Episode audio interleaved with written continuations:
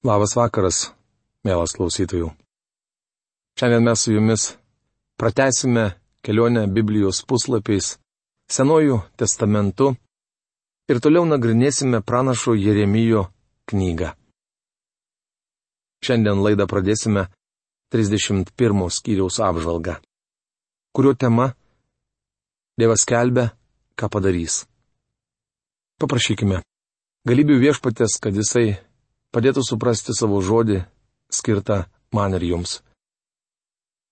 Mūsų tėve, kuris esi danguje, mes dėkojam tau, kad kelias pas tave yra atvertas mums Kristuje Jėzuje, tavo sunuje. Dėkojame tau, kad šiandien mes turime tą prieimą prie tavęs dėl to, ką tu padarai dėl mūsų. Nes tu pirmas mus pamilai, kada mes buvome nusidėjėliai. Tu iš savo didingo šlovės pasiuntėjai sūnų į šitą žemę, kuris gyveno teisų gyvenimą ir pasmerkė nuodėmę žmogiškajame kūne. Buvo mūsų nuodėmių nužudytas, palaidotas, bet trečią dieną tavo galybė prikeltas, paimtas iš lovę ir šiandien esantis tavo dešinėje. Mes dėkojame tau, nes kas kartai sakydami Dievę mes džiūgaujame savo širdise, kad turime nuostabų viešpatį, kuris niekada mūsų neapleido ir niekada mūsų nepaliko. Mes dėkojam tau už tavo paliktą žodį, tas pranašystes, kurias tu užrašiai per savo išrinktus Dievę vyrus. Ačiū tau už pranašą Jeremiją ir už tos nuostabius pažadus, kuriuos tu davėjai savo tautai Izraeliui. Niekada neapleisti, niekada nepalikti, visuomet pasirūpinti, jeigu tik tai jie rūpinsis tavęs pažinimu. Dangaus Dieve, ne tik Izraelis, bet ir mes šiandieną, pagonių kilmės nusidėjėliai, atsisukę į tave, prašom, kad tu padėtum mums suprasti tavo žodį, suprasti, kam visa tai yra sukurta, kas supa mus. Prašom, kad tu, naudodamas savo žodį, šias pranašystes, apšviestum mūsų protus, paliestum žodžio galybę mūsų širdis. Meldžiam, kad tas žodis iš tikrųjų, kaip tu žadėjai pranašų Izaijo knygoje, nesugrįžtų atgalios pas tave tuščias, bet atliktų darbą, kurio negali atlikti niekas kitas. Lenkiamės prieš tave, garbiname tave ir prašome, kad padėtum mūsų netikėjimui. Jėzaus Kristaus vardu. Amen. Nuo 30 iki 33 skyriaus užrašyta viena labai džiugi ir drąsinanti giesmė. Iki šiol Jeremijas akcentavo bausmę, tačiau čia skaitysime visai kitokią žinę. Hengstenburgas šios skyrius vadina šlovingą Izraelio išgelbėjimo giesmę. Nors jie parašyti tamsiausių Judo karalystės istorijos laikotarpiu. Paskutinis Judo karalius Zedekijas primena paskutinį šiaurinės Izraelio karalystės valdovą Uzėją. Kaip žinome, šiaurinė Izraelio karalystė į nelaisvę buvo patekusi žymiai anksčiau. Dabar nebukad necaro kariuomenė išsirikiavo aplink Jeruzalės sieną. Ji buvo pasirengusi sunaikinti miestą ir sudeginti šventyklą. Kaip matote, netikrų pranašų pažadai nepasiteisino. Prieš septynerius metus Hananija tvirtino, jog nepraėjus nei dviejiems metams, Babilono galybė bus palaužta. Tačiau taip neatsitiko. Judo žmonių nelaimiai, nebukad necaras tebe buvo gyvas.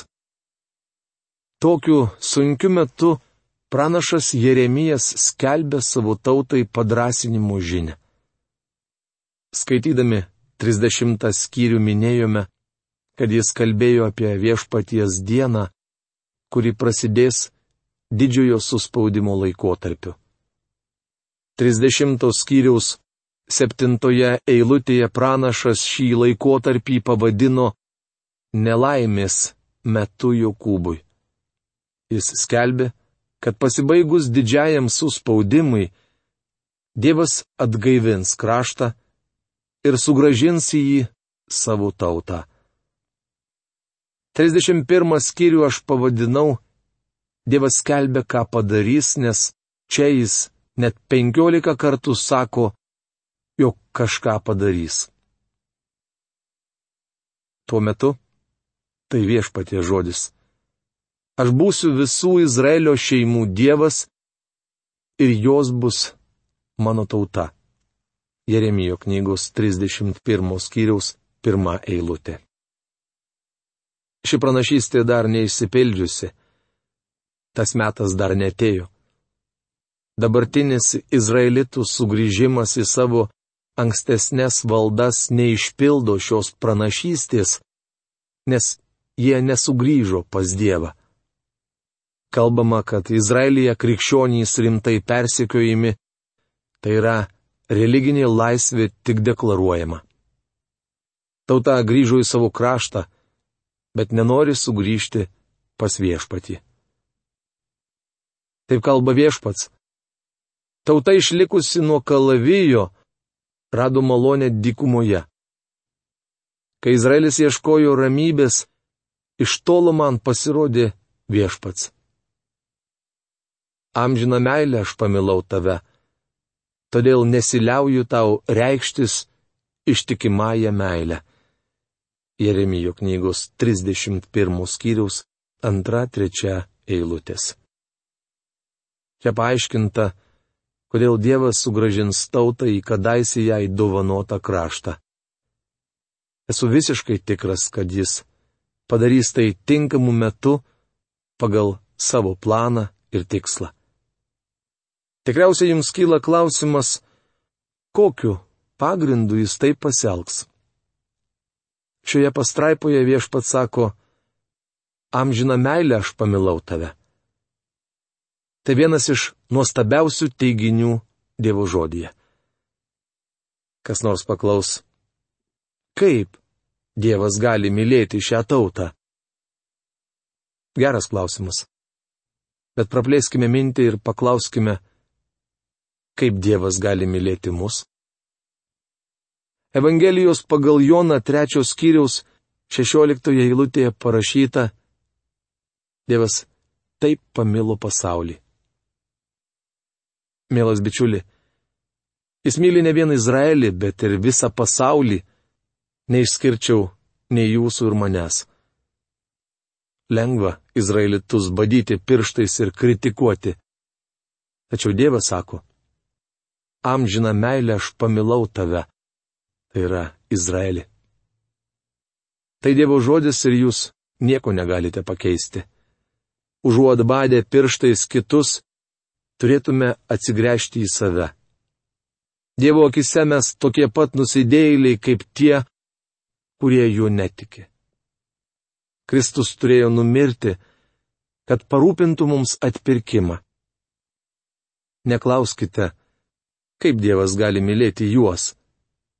Bičiuli, kaip Jis gali mylėti mane?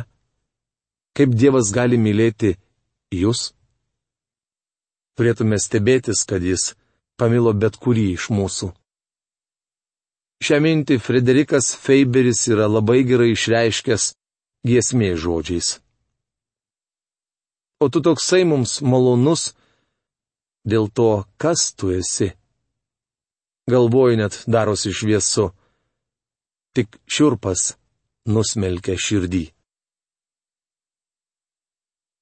Amžina meilė aš pamilau tave. Turiu pripažinti, jog nedaug išmanau apie žodžio amžiną reikšmę. Kartą paklausiau mažo berniuko, kiek trunka amžinai ir kiek niekada.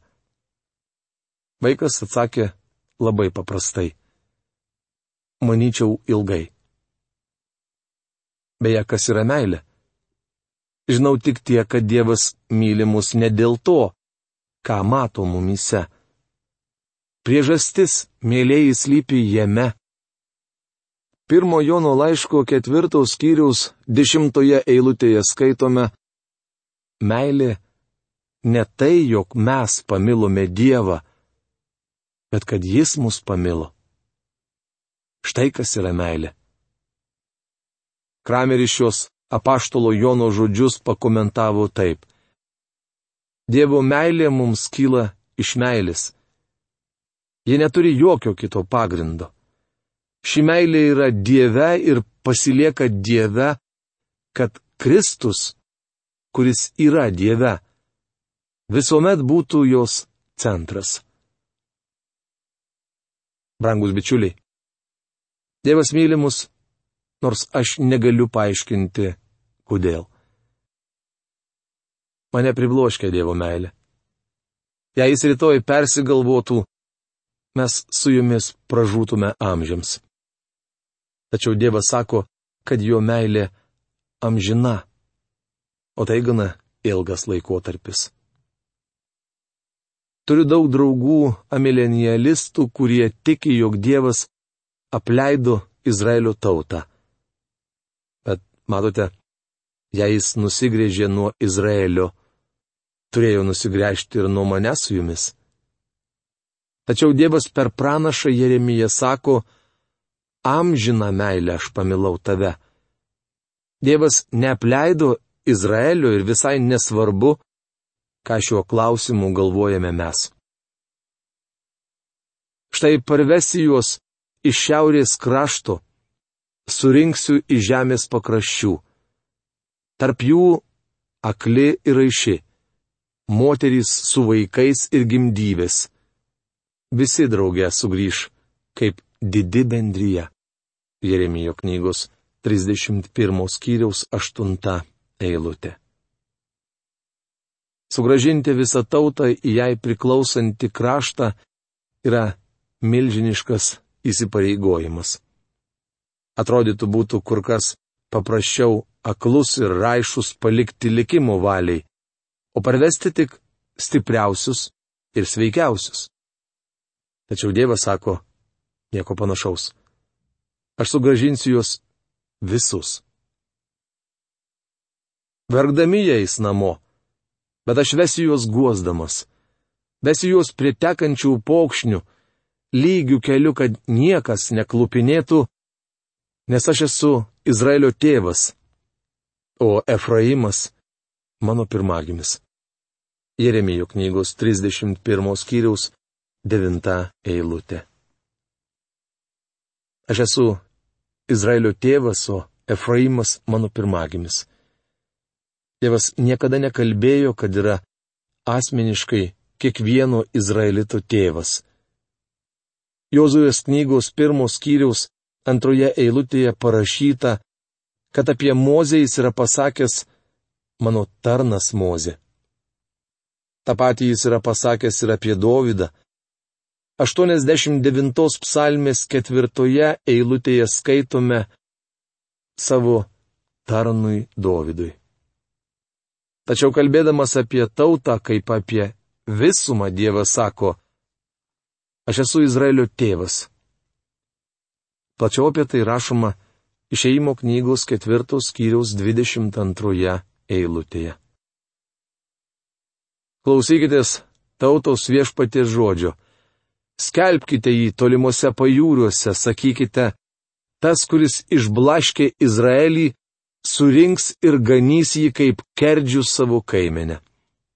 Jeremijo knygos 31 skyriaus dešimtą eilutę. Esu dėkingas viešpačiui, kad jis davė man radio tarnavimą. Tokiu būdu kasdien galiu pasiekti milijonų žmonių visame pasaulyje. Džiaugiuosi galėdamas pasakyti tą patį, ką sako Dievas. Noriu, kad tolimieji pajūriai išgirstų žinę. Trokštų, kad visa žmonija išgirstų, jog Dievas išblaškė Izraelį. Tokiu būdu jis nubaudė savo tautą. Tačiau Dievas myli juos amžiną meilę ir ateityje ketina sugražinti į jiems priklausantį kraštą. Kaip matome, Dievas mylėjo Izraelį ir jį baudė. Tai liūdna, bet kartu ir džiugi žinia. Visoje Jeremijo knygoje girdime tiek džiaugsmo, tiek liūdėsio gaidelę. Tai lyg saldžiarūkštis kinų patiekalas. Dievas baudė Izraelį, bet taip pat sakė, tas, kuris išblaškė Izraelį, surinks ir ganys jį kaip kerdžių savo kaimenę. Pimo labai rūpinasi savo avimis. Tačiau tai dar ne viskas, ką Dievas padarys. Merginos tuomet linksmai šoks, draugės su jaunais ir senais, nes jų gedulą pakeisiu džiaugsmu, guosiu juos ir džiuginsiu kenčiančius. Kunigus valgydinsiu rinktinę atnašų dalimi, o mano tauta sotinsis mano dovanomis. Tai viešpatie žodis. Jeremijo knygos 31 skyriaus 13-14 eilutės. Nežinau kaip jums, bet man norisi sušukti aleliują ir svesti į viršų savo skrybelę. Visą tai Dievas žada padaryti Izraeliui. Tad klausykite toliau. Visgi, tuometinė Izraelio būklė buvo tragiška, tai yra tauta maištavo prieš Dievą.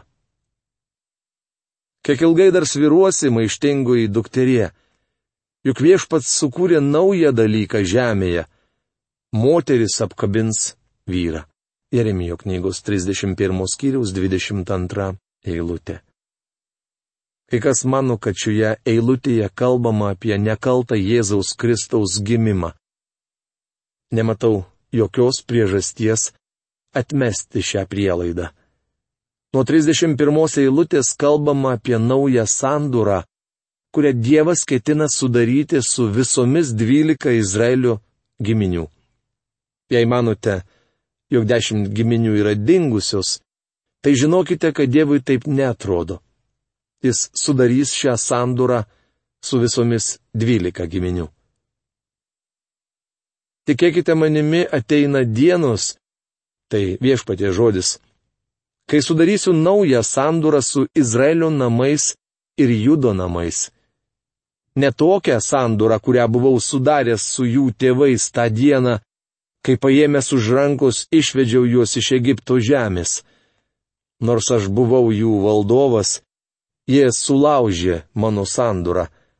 Tai viešpatie žodis.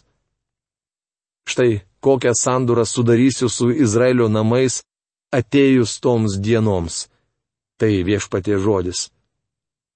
Įdėksiu jiems savo įstatymą, įrašysiu jį jiems į širdį. Tada aš būsiu jų dievas, o jie bus mano tauta. Jeremijo knygos 31 skyriaus 31-33 eilutės. Naujoji sandura, apie kurią čia kalbama, skirsis nuo tos, kurią Dievas sudarė su Moze ant Sinajaus kalno. Pagrindinis skirtumas tas, kad naujoji sandura bus įrašyta ne šaltose akmens plokštėse, bet žmonių širdyse. Tada nebereikės bičiuliai raginti savo bičiulį ar broliui savo brolį pažinkite viešpati. Visi, maži ir dideli, pažins mane. Tai viešpatė žodis, nes jų kaltę atleisiu ir jų nuodėmės daugiau nebetminsiu. Jeremijo knygos 31 skyriaus 34 eilutė. Dievas sako, kad Izraelitų nuodėmės bus atleistos. Atkreipkite dėmesį, kaip Dievas užtvirtina šią sandurą su Izraeliu. Taip kalba viešpats, kuris duoda saulę, kad šviestų dieną, įpareigoja minulį ir žvaigždės, kad šviestų nakčia, kuris pažadina jūros bangų šniokštimą, kurio vardas yra galybių viešpats. Tik jei tie įstatai pranyktų be mano valios, tai viešpatė žodis. Izraelio palikuonys amžinai liautųsi buvę tauta mano akise. Jeremijo knygos 31 skyriaus 35-36 eilutės. Ši sandura niekuomet nebus pakeista ar panaikinta. Kaip mes negalime pakeisti menulio sukimusi krypties ar pašalinti jo iš dangaus kliauto, taip neįmanoma pakeisti sandoros, kurią Dievas sudarė su Izraeliu. Amerikiečių astronautai sugrįžo iš menulio su kone šimtu kilogramų ulienų. Gabendami akmenis iš menulio dar kokį milijoną metų galbūt visą jį galiausiai perkeltų į žemę. Tačiau nemanau, kad kas nors tuo užsiims. Dievas sako, kad sudarys su Izraeliu amžiną sandorą. Mielas klausytojų, šiandien čia mes su jumis ir sustosime. Iki greito sustikimo. Sudė.